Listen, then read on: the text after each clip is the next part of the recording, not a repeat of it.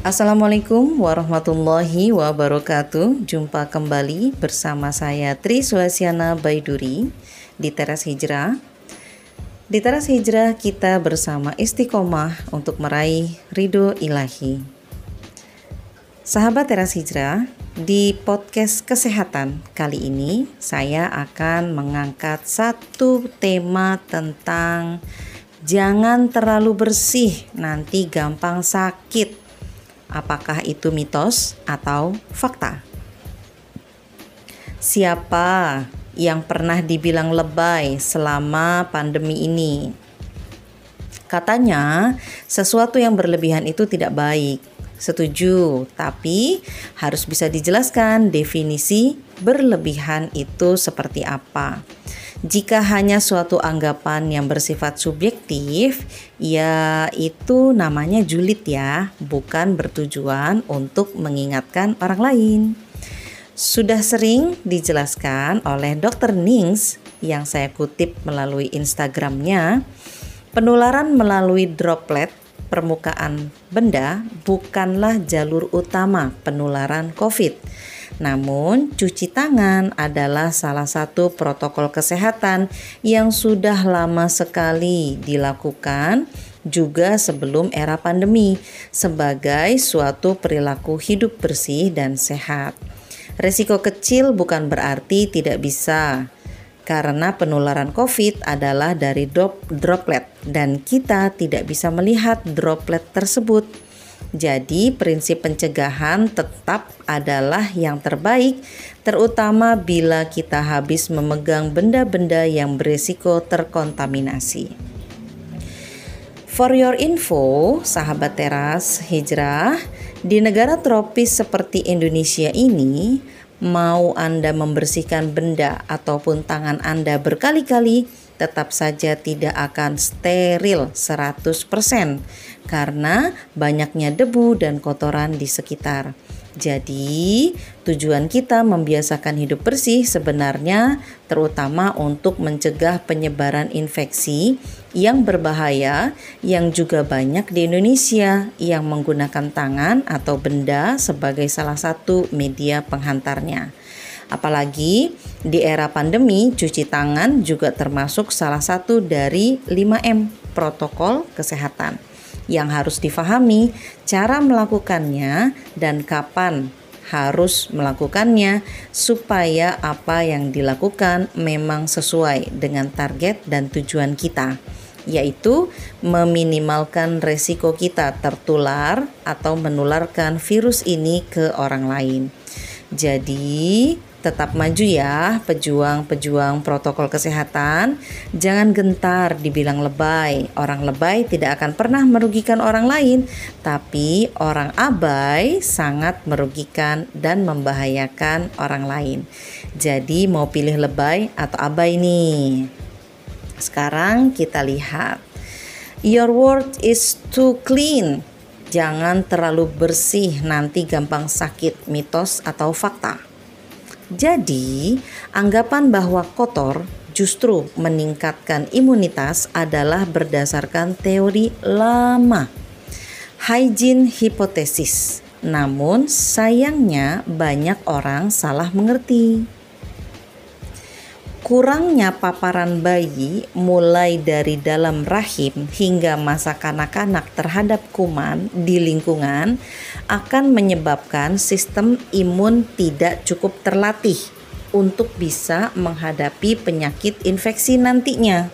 Bisa terjadi ketidakseimbangan imun, alergi atau autoimun. Paparan infeksi di sini yang dimaksud adalah paparan terhadap kuman baik atau yang sering disebut flora normal atau infeksi cacing yaitu kuman atau parasit yang memang hidup simbiosis lama atau kronis dalam tubuh manusia, bukan kuman yang berbahaya seperti influenza, campak, dan lain-lain karena reaksi imun tubuh terhadap flora normal atau cacing akan mencetuskan keseimbangan imun atau pengatur imun yaitu mengurangi risiko alergi dan autoimun. Pada prinsipnya, saat ada infeksi, sistem imun itu harus seimbang antara imun yang menyerang dan imun pengaturnya, supaya infeksi tertangani dengan baik tanpa menyisakan kerusakan dan reaksi keradangan berlanjut. Bila latihan tanda petik saat masa bayi dan kanak-kanak kurang baik, kemampuan imun pengatur akan berkurang sehingga terjadi ketidakseimbangan imun berupa keradangan atau kerusakan berlebihan dalam bentuk alergi atau autoimun. Jadi, nggak ada itu istilah menaikkan sistem imun ya yang benar adalah menyeimbangkan sistem imun. Paparan flora normal itu bisa didapat bayi dan anak dari mana saja, atau resiko alergi dan autoimun lebih rendah. Bisa dari lahir lewat jalan lahir normal, bisa dari mengkonsumsi ASI, bisa dari jarang mengkonsumsi antibiotik yang bisa membunuh flora normal. Bisa dari jumlah anggota keluarga yang banyak.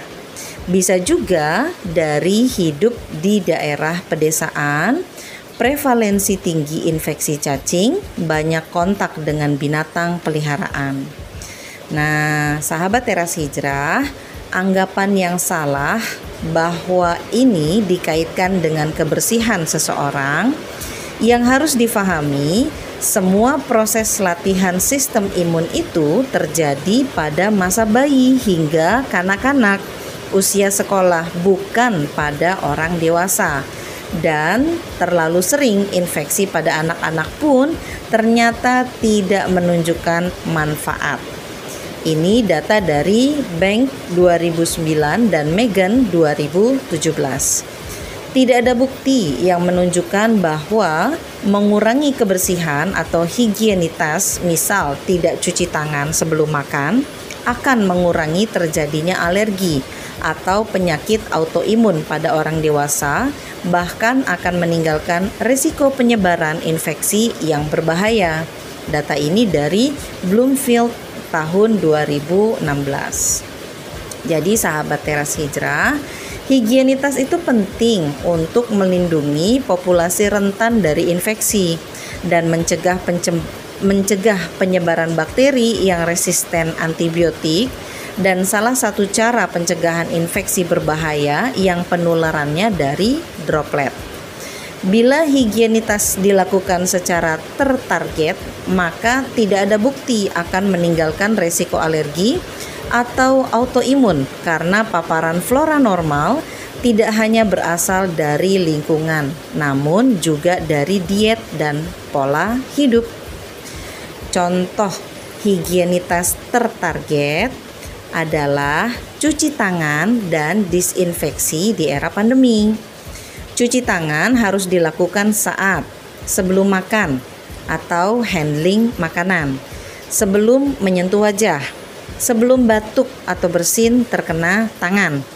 Sebelum eh, setelah batuk, maaf diralat, setelah batuk atau bersin yang terkena tangan, setelah menggunakan toilet, setelah dari tempat umum atau menyentuh benda umum, sebelum atau setelah handling masker, setelah kontak dengan orang sakit, setelah kontak dengan benda di sekitar orang sakit.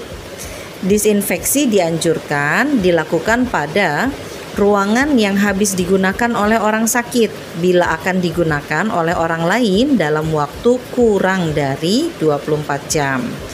Permukaan-permukaan benda yang sering disentuh baik di rumah terutama bila ada keluarga yang sakit atau yang masih keluar rumah maupun di tempat umum. Dan di era pandemi, pola hidup bersih adalah salah satu usaha pencegahan penularan COVID karena virus SARS-CoV-2 menular lewat droplet. semua usaha pencegahan yang dilakukan oleh kita semua di era pandemi bukanlah hal yang berlebihan karena memang sesuai target dan tujuannya. Jadi, sahabat teras surga, sahabat teras hijrah, lebih baik lebay daripada abai. Lebay di sini adalah anggapan orang lain. Tidak usah peduli apa kata orang, karena orang itu belum tentu membantu Anda saat Anda dan keluarga Anda sakit.